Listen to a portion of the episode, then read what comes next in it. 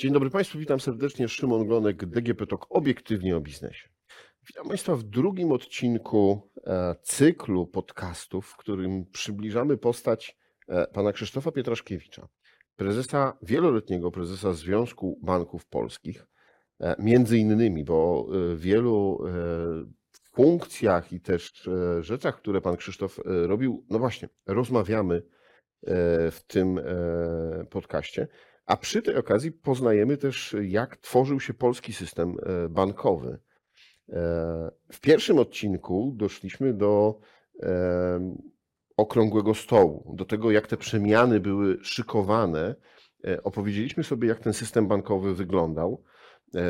No i skąd pan w tym wszystkim się wziął? Jak to się wydarzyło, że, że był pan uczestnikiem i przygotowania e, ustawy o izbach gospodarczych, i przygotowania e, e, okrągłego stołu, przemian, jakie przy nim zachodziły.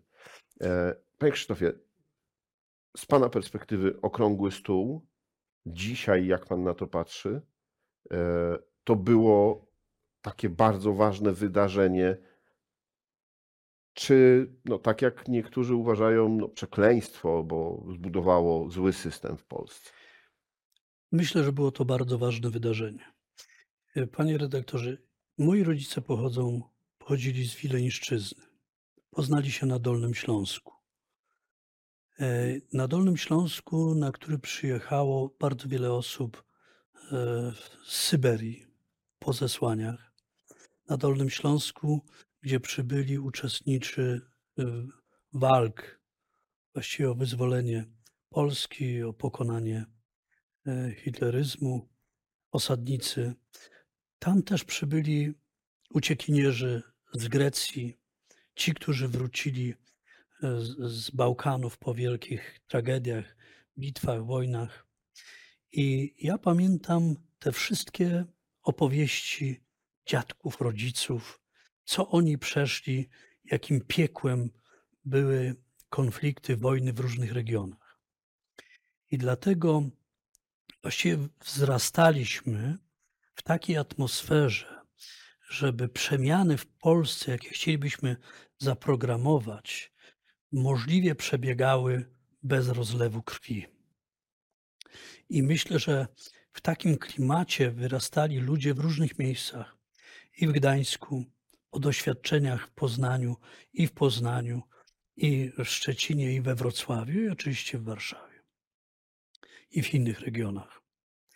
Więc dla nas porozumienie różnych ludzi, którzy wszyscy chcieli działać dla dobra Polski, chcieli, żeby Polska była samodzielnym, demokratycznym krajem, żeby dominowała i rozwijała się gospodarka rynkowa, prywatna przedsiębiorczość, także prywatne rolnictwo, było czymś bardzo, bardzo ważnym.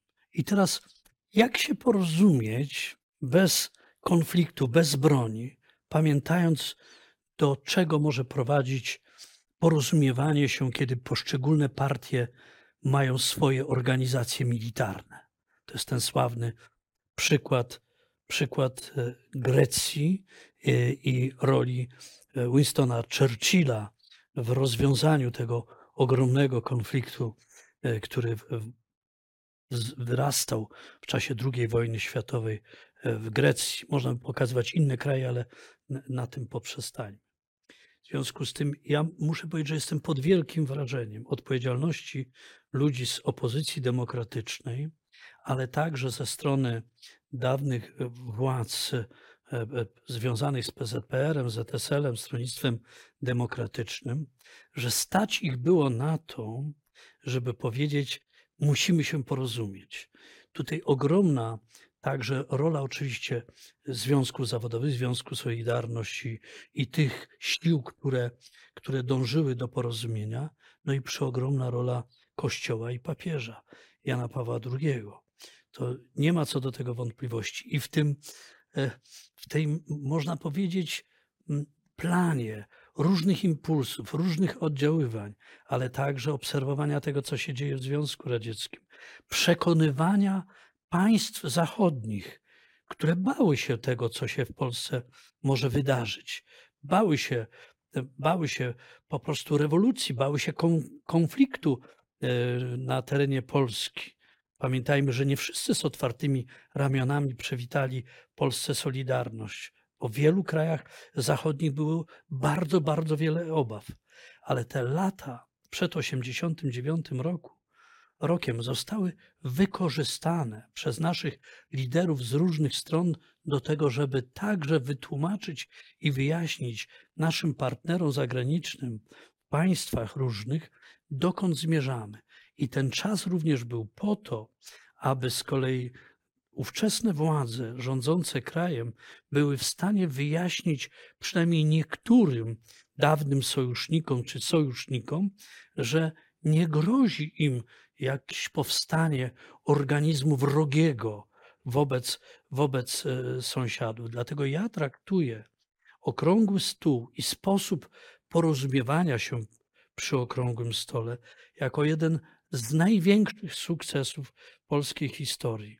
A to, że byłem tam obserwatorem, czy czasami nosiłem te przysłowiowe papiery, bo byłem sekretarzem stolika, jednym z sekretarzy stolika Związkowego Okrągłego Stołu, to była wielka nie tylko przygoda, ale wielka nauczka. Ja była w tym tyglu okrągłostołowym poznałem wielu wspaniałych ludzi z różnych stron sceny politycznej to, co wszystkich cechowało, to chcieli, żeby Polska była demokratycznym krajem, żeby Polska była krajem wolnej gospodarki, żeby talenty Polaków nie były marnowane e, i żeby środki wypracowywane wspólnie były jak najlepiej e, wykorzystywane.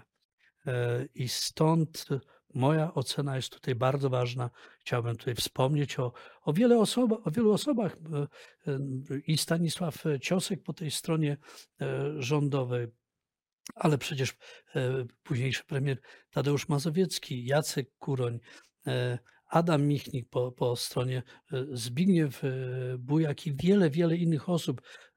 Przepraszam, że nie, nie wymienię wszystkich.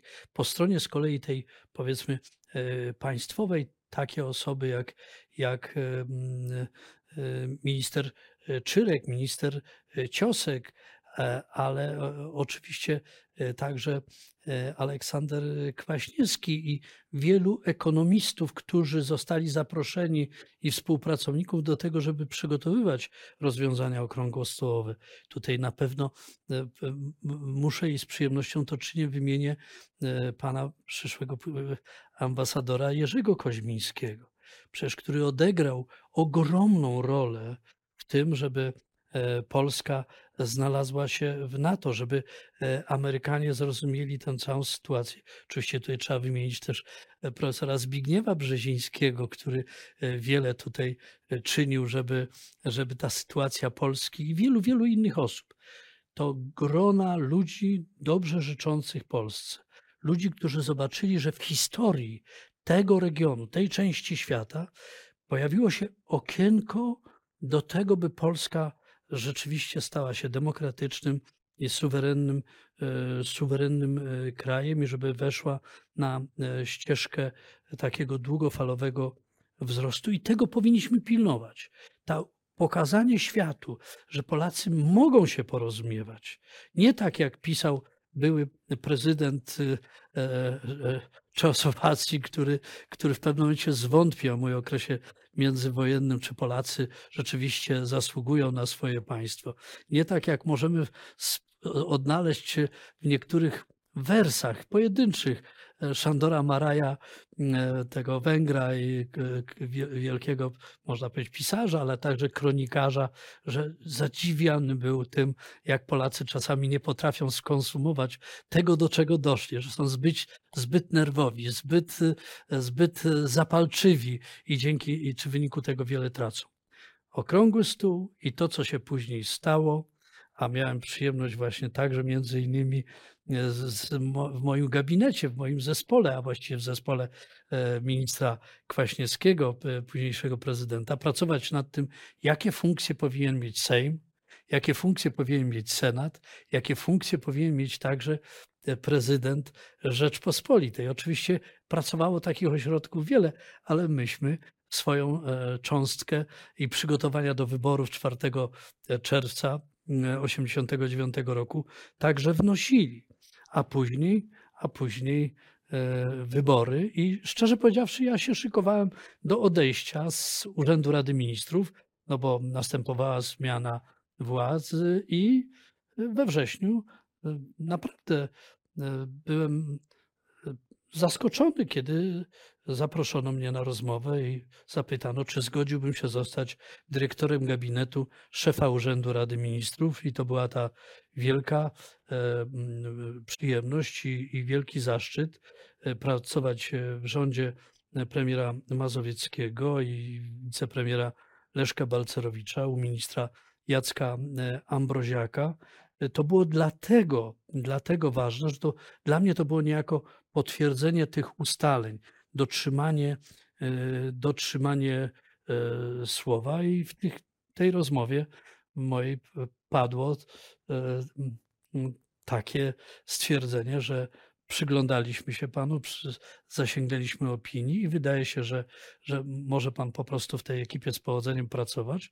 I z mojej strony z kolei deklaracja, że gdyby cokolwiek działo się nie tak, to przyjmę ewentualną propozycję e, odejścia czy wykształcenia po wykształceniu kogoś, bo taka moja była prośba, że po przygotowaniu do tej urzędniczej pracy oczywiście stawiam się do, do dyspozycji.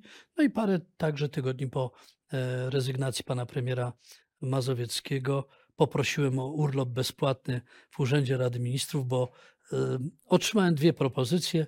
Jedną, by być szefem firmy ubezpieczeniowej, a drugą w tym samym czasie, to był ten sam tydzień, aby budować e, Związek Banków Polskich. No i skorzystałem z właśnie. tej drugiej propozycji. E, Lipiec 1990. Dzisiaj też spotykamy się w lipcu. E, Pamięta pan, pogoda ładna, ciepło, gorąco. Tak, no, tak. Na, na, na, na pewno. Myślał pan wtedy o urlopie, o wyjeździe. To, z- to znaczy, i nie wiem, czy, czy do lipca. Dla mnie e, ważny był tutaj 91 rok, e, luty, marzec, kwiecień, bo wtedy e, Mhm. w styczniu powstał, powstała Izba Gospodarcza, spotkanie 106 prezesów w Serocku pod Warszawą. Ale to zanim do tego dojdziemy, ja Tak. o ten lipiec 90 roku pytam, no bo wtedy powstała ta grupa inicjatywna, taka Tak, e, prezes e, PKO BP, pan e, Marian Krzak, Narodowy Bank Polski, e, Urząd Rady Ministrów i tutaj są wymienieni e, Jacek Tak. Ambroziak i Krzysztof Pietraszkiewicz. I to w trzeba tym to, gronie- trzeba to rozdzielić. W lipcu tamtego roku, 90 roku, profesor Władysław Baka na spotkaniu Rady Banków powiedział, powinniśmy zakończyć tę formułę współpracy.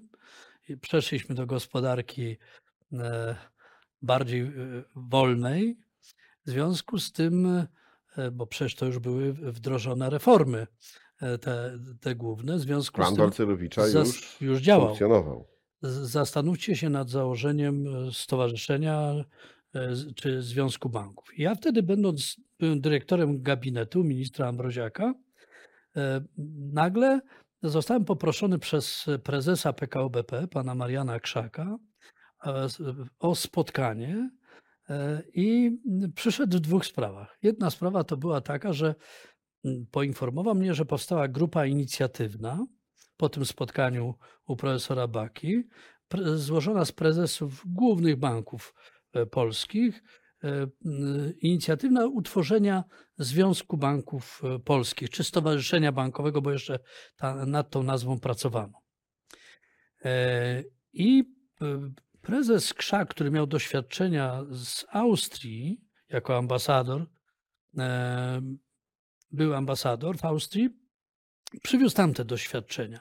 I miał takie wyobrażenie, że może powstać stowarzyszenie banków połączone ze stowarzyszeniem osób. I wtedy właśnie tłumaczyłem pre- prezesowi e, Krzakowi, że to jest e, w tych realiach niemożliwe prawnych, że odrębną e, ustawą jest ustawa o samorządzie gospodarczym i o izbach gospodarczych, a odrębną ustawą jest ustawa o stowarzyszeniach. No i po rozmowach, po wymianie poglądów doszliśmy do wniosku, że należałoby tworzenie Izby Samorządu Bankowego oprzeć na ustawie o izbach gospodarczych. Poinformowałem o tym fakcie mm, pana ministra e, Ambroziaka, że taka inicjatywa e, powstała. Doszło też do spotkania pana prezesa Krzaka z ministrem Ambroziakiem, bo tam jeszcze szykowały się obchody e, lecia banku PKO BP, więc tutaj chodziło o, o pewne dodatkowe działania, ale także trzeba powiedzieć, że w gabinecie szefa Urzędu Rady Ministrów znajdowała się komisja likwidacyjna majątku partii. I wówczas e, prezes e, Krzak, ale także inne osoby przychodziły często do mnie, zarówno z kraju, jak i z zagranicy, żeby zagospodarować budynek dawnego KC. Ale także inne obiekty na terenie, na terenie na kraju. Pomysły były różne. Pojawiali się przedsiębiorcy, którzy mówili, że przejmą budynek KC, ale dzięki temu postawią na nogi część przemysłu, na przykład włókienniczego w Łodzi. Przychodzili przedsiębiorcy, którzy mówili, zbudujemy wielkie centrum biznesowe. Ale to, co było bardzo arcyciekawe, to pewnego dnia pojawił się rektor Uniwersytetu Warszawskiego z koszem cegiełek e, oddanych czy powierzonych uniwersytetowi przez osoby, które składały się na budowę gmachu Komitetu Centralnego Partii. I powiedział, ci, którzy budowali ten komitet, uważają, że powinien otrzymać ten obiekt Uniwersytet Warszawski. I to był bardzo poważny problem, bo obiekt tego dawnego Komitetu Centralnego, dzisiaj Centrum Bankowo-Finansowego, po prostu nie nadawał się na planowaną bibliotekę, bo biblioteki e, brakowało bardzo Uniwersytetowi Mhm. Warszawskiemu. I pamiętam, kiedy wymyśliliśmy w gronie kilku osób, że należy założyć centrum bankowo-finansowe, a z uzyskiwanych dochodów budować Bibliotekę Uniwersytetu Warszawskiego. I muszę powiedzieć, że patrzono na nas z nieufnością i ja to skądinąd rozumiem. I pan e, profesor Kajetan Wróblewski, e, rektor uniwersytetu, no, e, podjął, nie, duże, był, nie był szczęśliwy pewnie. podjął duże ryzyko, ale jednocześnie skierował do fundacji, która powstała i do Mhm. spółki, która powstała, osoby no, o wybitnych tutaj umiejętnościach prawnych nie tylko, ale także co było bardzo ważne, osoby konsekwentnie działające na rzecz Uniwersytetu Warszawskiego. I szczerze powiedziawszy, fakt, że grono ministrów, doradców, pan Jacek Ambroziak, e, pani Niezabitowska, e, pan minister Hal, e, pan profesor Marek, późniejszy członek Rady Polityki Pieniężnej, wystąpili z propozycją do premiera Mazowieckiego i do premiera Balcerowicza, żeby taki, taki wehikuł, taką konstrukcję zbudować. I taka decyzja zapadła. Ja jestem bardzo dumny i gratuluję tym wszystkim, którzy podejmowali tę decyzję, bo dzisiaj mamy piękną bibliotekę Uniwersytetu Warszawskiego i mamy dobre centrum bankowo-finansowe, później rozwinięte z giełdą i innymi instytucjami, które tam się Y, mieszczą. E, więc y, można powiedzieć tak, było rzeczą później naturalną, kiedy w styczniu e, powołano, utworzono Związek Banków Polskich w drugiej połowie stycznia, a z kolei ja w tym czasie e, też po odejściu premiera Mazowieckiego zastanawiałem się, co dalej robić i otrzymałem te, te dwie propozycje no to poprosiłem o urlop bezpłatny. I przez y, prawie 7 lat byłem na urlopie bezpłatnym w Urzędzie Rady Ministrów, ale pracując y, w Związku, w Związku Banków Polskich. I budując jako pierwszy pracownik wspólnie e, z panem Andrzejem Wolskim. No to, to powiedzmy o tej dacie. y, 24 stycznia 1991 rok. Tak, E, Przedstawiciele 102 banków e, podpisują mm, akt założycielski. Był pan tam? Tak, Widział, statut. widział Nie, pan to? ja nie byłem w, wtedy e, w Serocku, ale z, znałem bardzo dokładnie, no bo e, też żeśmy konsultowali to e, z prezesem e, Krzakiem to rozwiązanie i monitorowałem. No miałem też obowiązki e, w, w Urzędzie Rady Ministrów. E, Nie, nie ukrywajmy, to był bardzo intensywny e, czas. Ale w przygotowaniach do tego 24 brał pan udział. Tak, tak, tak. Jak, jak mówię, Konsultował pan to były- statut. To były rozmowy. Konsultowaliśmy rozwiązania, nie szczegółowo Mhm. statut, tylko rozwiązania, na czym to będzie e, polegało, na czym będzie, e, jaka będzie rola zarządu społecznego, wówczas zarządu, jaka będzie rola biura związku i czym się będzie związek zajmował. I muszę powiedzieć, że ten pierwszy statut był i uważam e, naprawdę bardzo mądrym dokumentem. To, co było najistotniejsze, to po co powstawał związek.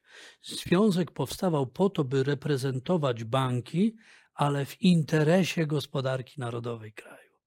To niezmiernie ważne i muszę powiedzieć, że przez ten cały okres mojej działalności, aktywności Związku Banków Polskich ciągle to przypominałem, że to nie chodzi o to, żeby banki w- tylko i wyłącznie miały się dobrze i dobrze y, funkcjonowały. Chodzi o to, by klienci indywidualni, jak i klienci instytucjonalni, jak i kraj z faktu funkcjonowania banków, dobrego funkcjonowania banków odnosił korzyści.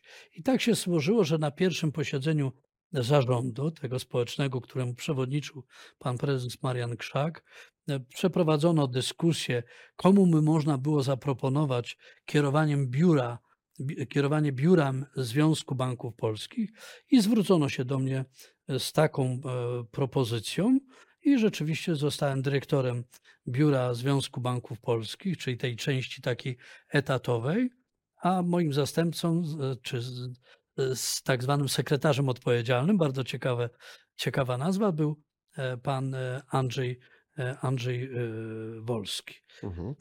Powiedzmy, e, jak e, wyglądał, jak wygląda do dziś e, struktura e, Związku Banków Polskich? No bo to, o czym powiedzieliśmy już i w poprzednim odcinku i tutaj, jest to Izba Gospodarcza, tak? E, Instytucja, która jest oparta o, o tą ustawę. Jak wyglądała struktura? Zanim o strukturze, to może warto po prostu pamiętać o tym, że część osób miała wątpliwości co do funkcjonowania Związku Banków. Mówię w samym środowisku bankowym, bo o to niektórzy mówili tak. Jak to? Każdy członek w Związku Banków ma jeden głos i ten mały bank e, spółdzielczy, lokalny i ten wielki bank typu PKO BP czy Bank Śląski i to były poważne, poważne wątpliwości. Czy jeden bank, jeden e, głos? No, taka jest istota izb gospodarczych. Ale były też e, wątpliwości innej natury, całkiem powiedziałbym takie prawie że filozoficzne. Oto byliśmy w monobanku parę lat wcześniej i ktoś nam proponuje znowu założenie Monobanku. i- i- jakiejś instytucji integrującej. Tego się niektórzy ludzie bali. I stąd była dyskusja o formule związku. Dlatego zarząd był społeczny, e, biuro było takim ośrodkiem wykonawczym, ale było bardzo wiele kwestii do rozwiązania. Na przykład od takich spraw technicznych. Wystandaryzowanie długości numeru rachunku bankowego.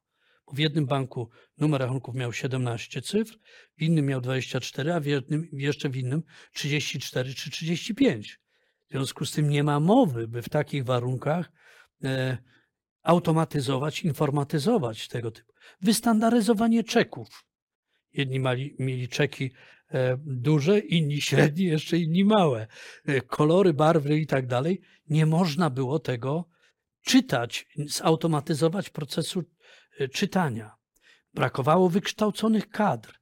Trzeba było wprowadzić pewne wymogi kwalifikacyjne dla kadr bankowych. Panie Pamiętajmy, prezesie, to o tym będziemy, o tym będziemy Okej. rozmawiać, bo to, to, to jest bardzo interesujące. Ja tylko dodam, że e, przy tych zastrzeżeniach, kiedy e, szukałem informacji, no to wyszło, że spośród tych dziewięciu banków, które były e, w tej grupie inicjatywnej, e, to aż pięć banków nie podpisało od razu. Y, Tu mogły być różne powody. W jednym przypadku prezes jednego banku, bardzo szanowany zresztą i, i autor jednej z pierwszych książek o bankowości komercyjnej, pan prezes Marian Rajczyk, nie podpisał, e, mimo że był w komitecie tym e, założycielskim, inicjującym, dlatego że uważał, że nie może być tak, że jeden bank, jeden głos. I Bank Śląski przystąpił do związku z pewnym poślizgiem e, paręnaście miesięcy później. Ale inne banki podpisały, przystąpiły. Właściwie większość banków wiodących przystąpiła, bo tutaj też trzeba pamiętać, że niektóre banki nie mogły e, przystąpić od razu, ponieważ nie miały na to zgody władz e, swojego banku. Tutaj proszę pamiętać, że e, w spółkach akcyjnych czy, czy w niektórych bankach spółdzielczych obowiązywały reguły, że zarząd może przystąpić do jakiejś organizacji, ale po uprzednim uzyskaniu zgody albo Rady Nadzorczej, albo walnego zgromadzenia. Więc to, to zakładanie e, Izby Gospodarczej nie do końca było e, takie proste, ale przez pierwsze miesiące, pamiętam po objęciu funkcji dyrektora Biura Związku Banków Polskich, no, czekało mnie wiele rozmów i wyjaśnień, jak związek, jak sobie wyobrażam, jak sobie wyobrażamy, że związek będzie działał To i o czym się wy- będzie zajmował. To o tych wyobrażeniach i o tym, jak związek będzie działał, e, porozmawiamy już w następnym odcinku. E, Panie prezesie, e, serdecznie dziękuję. Państwa oczywiście zachęcam, tych, którzy dołączyli do nas w drugim odcinku, żeby wysłuchać pierwszego. No i zapraszam do następnych odcinków. Jak widzicie, pan prezes jest skarbnicą wiedzy na temat e, bankowości i na pewno jeszcze wiele z historii Polski, e, tej najnowszej, można e, od niego usłyszeć. Moim Państwa gościem był e, prezes Związku Banków Polskich Krzysztof Pietraszkiewicz, Były prezes. emerytowany. Chyba ładniej brzmi niż Dobrze były, brzmi. Dobrze. Prawda? Bo były to tak. Emerytowany prezes Związku Banków Polskich, e, a rozmawiał Szymon Glonek. Do usłyszenia.